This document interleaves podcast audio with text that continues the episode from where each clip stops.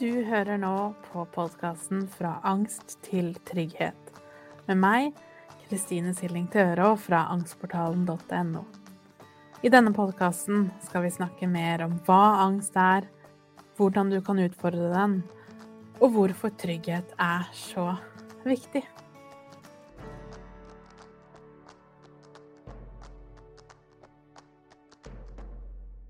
Hei og velkommen til episode 54. Og i dag så har jeg en litt mer personlig historie til deg. Mange spør meg naturlig nok hvordan er angsten din i dag? Og det tenkte jeg skulle svare på i dag ved at jeg også har et eksempel. For i går så fikk jeg kjenne litt på det og tenkte at dette hadde jeg lyst til å dele. Og spesielt for å dele hva jeg gjorde for å roe ned kroppen igjen. Men aller først så tenker jeg vi må snakke litt om dette her med å eh, bli fri fra, eller kvitte seg med, overvinne angsten. Eh, hvor nå enn ord du ønsker å bruke på det. Så hvorvidt er det mulig?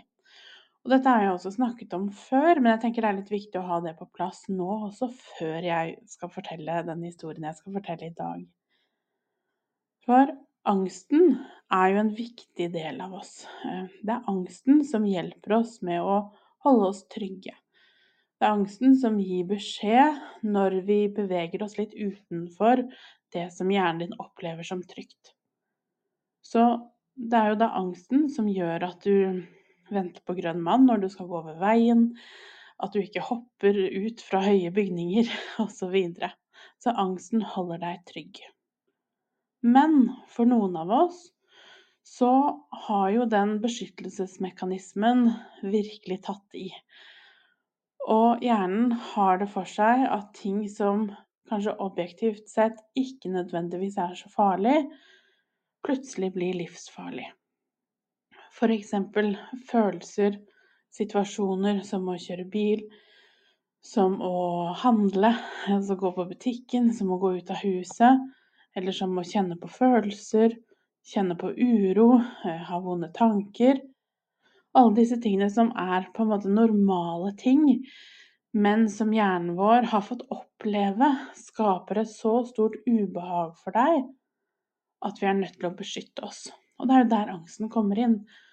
Og det er nettopp derfor jeg syns det er litt vanskelig å snakke om dette med at du skal overvinne eller få vekk eller fjerne angsten.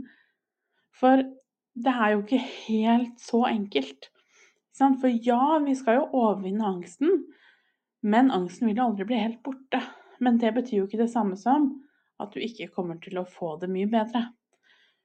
Så for meg, den angsten jeg kan kjenne på i dag, når den måte, angsten i dag er på topp, så er det noe helt annet enn når angsten min var på topp i 2016. For da hadde jeg så mye panikkanfall hver eneste dag. Så mye generalisert angst og helseangst, sosial angst, angst for angst. Alt, alt du kan tenke av angst, følte jeg at jeg kjente på på samme tid. Og all angsten var så lammende at jeg ikke klarte å gjøre noe. Jeg følte meg helt paralysert. Jeg turte jo på et tidspunkt ikke engang å gå på do aleine.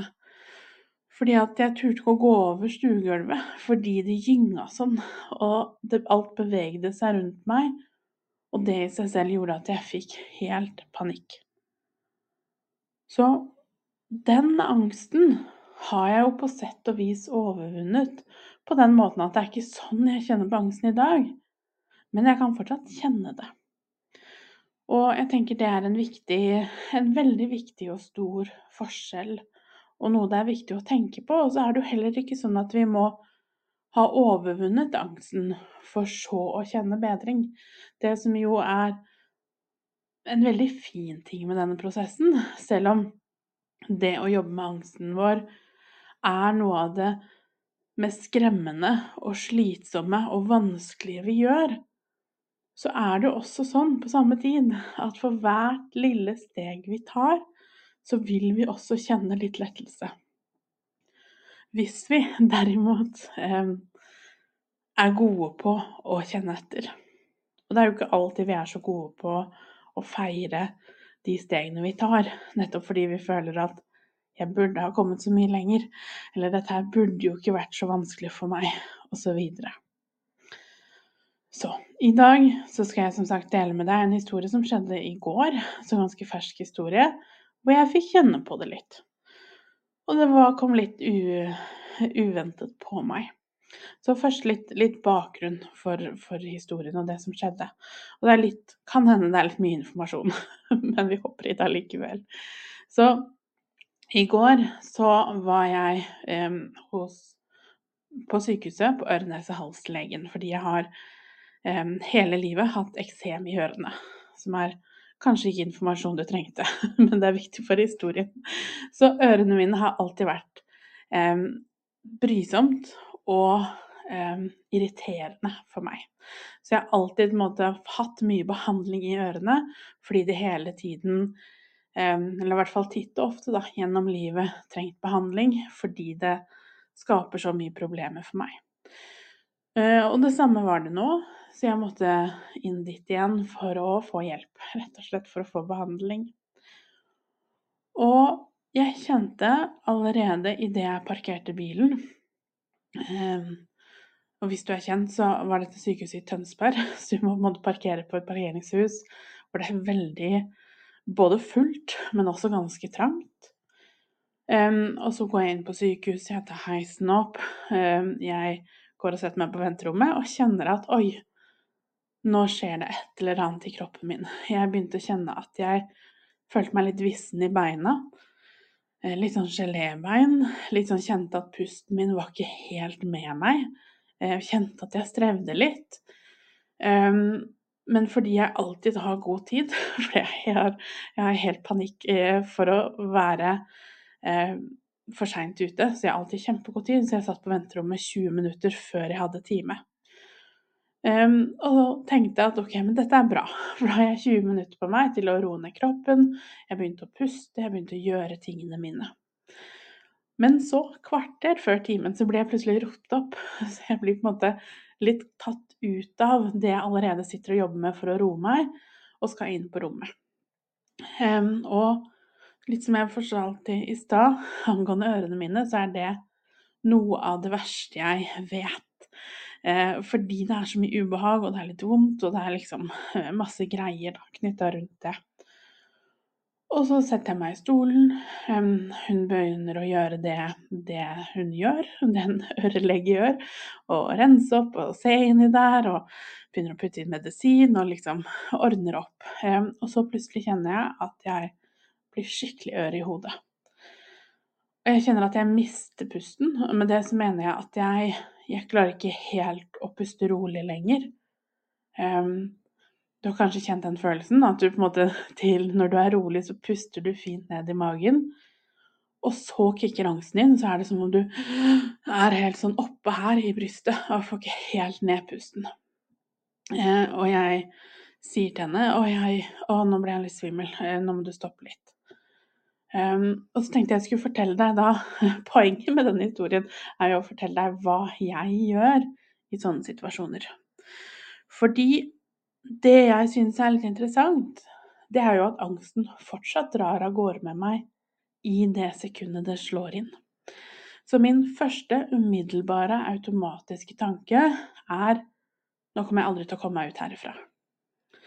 Fordi at kroppen min går rett i fluktmodus. Jeg må ut, jeg må ut i bilen.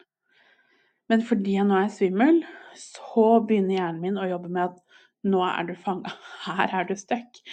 Og det i seg selv trigger enda mer angst, som du kanskje kjenner igjen. Så idet den tanken inntreffer, så mister jeg litt kontrollen på både pusten um, og på kroppen, og jeg kjenner jeg blir redd.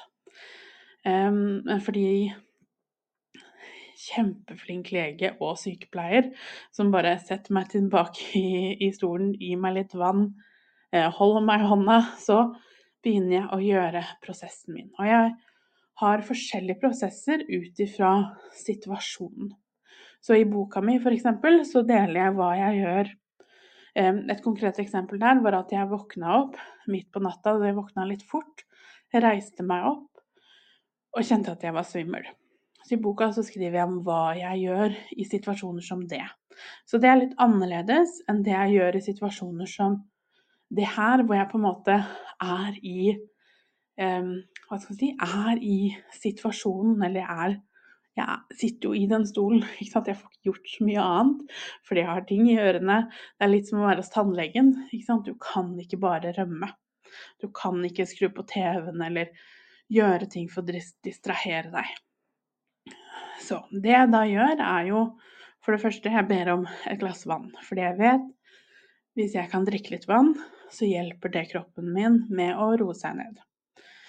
Jeg takker ja til å bli lagt litt tilbake, til tross for at jeg kjenner i hodet at den fluktresponsen er ganske sterk.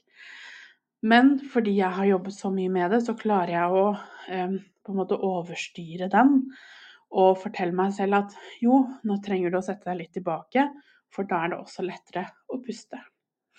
Så jeg holder henne i hånda, jeg setter meg tilbake, og jeg begynner å puste. Og det jeg også gjør i sånne situasjoner Det samme gjorde jeg, jeg måtte operere visdomstennene for en del år tilbake. Det samme gjorde jeg da. Så det jeg begynner, er å jobbe i hodet med å synge en sang.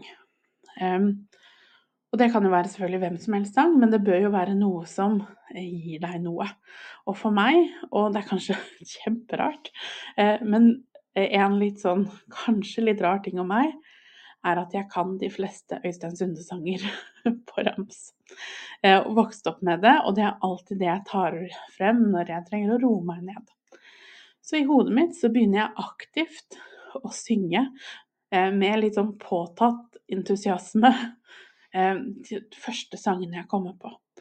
Og gå gjennom det i hodet. Så for deg så kan det jo være hva som helst, så lenge det er noe som skaper en litt sånn entusiasme eller iver, eller, og selv om du på en måte later som, så er det allikevel den energien, hvis det er mening. Og grunnen til at jeg gjør det, er jo nettopp fordi jeg merker at nervesystemet mitt har tatt meg over toleransevinduet.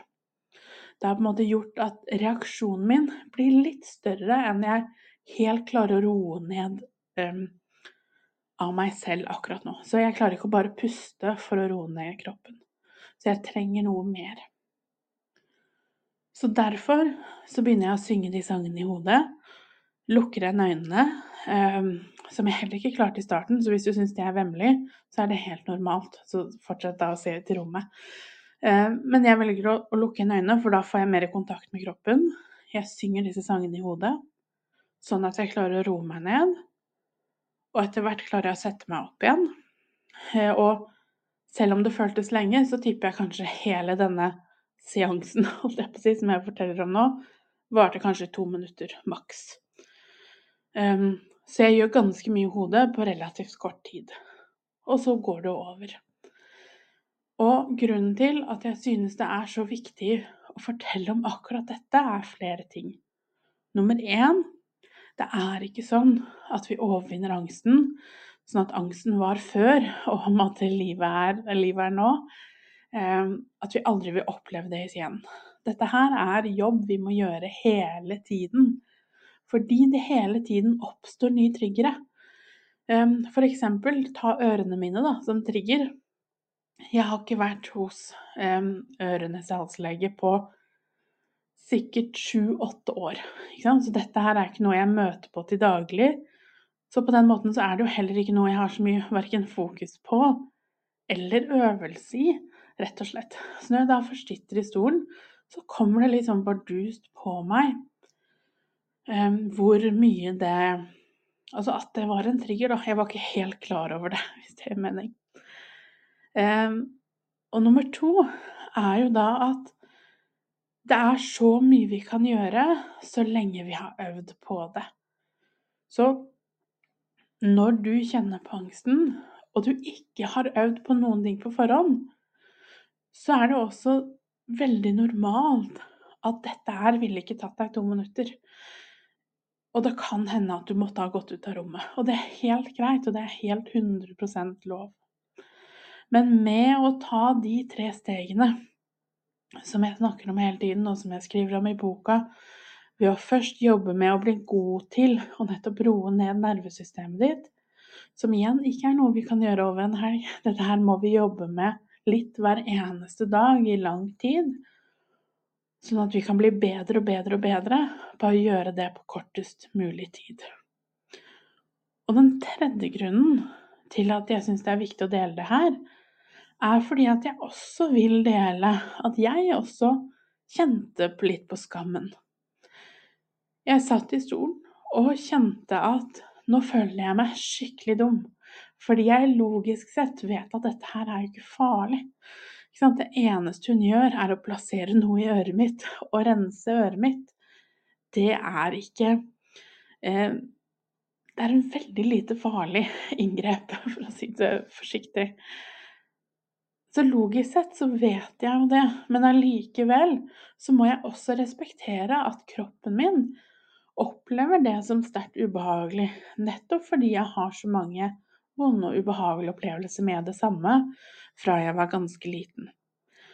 Så underbevisst så er det det som fyrer av. Ikke det som skjer i nåtid, men det som skjedde den gang da. Og det som jeg syns da er så viktig, er jo nettopp det at det er helt normalt også å kjenne at du skammer deg. Men vi må også minne oss selv på at det er forskjell på å måte, merke at det er der, og det å helt tro på det. Det er to forskjellige ting.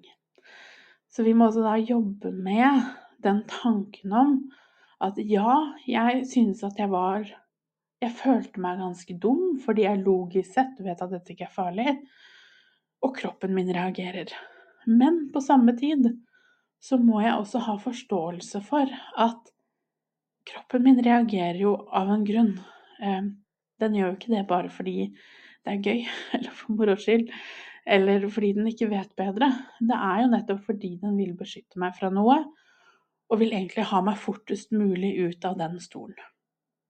Men så kan jeg i min logiske del, eh, altså i hodet eh, Pekte jeg på hodet, som du ikke så, men altså hodet kan på en måte overkjøre den delen av meg ved å fortelle meg at OK, nummer én, nå skal vi roe oss ned.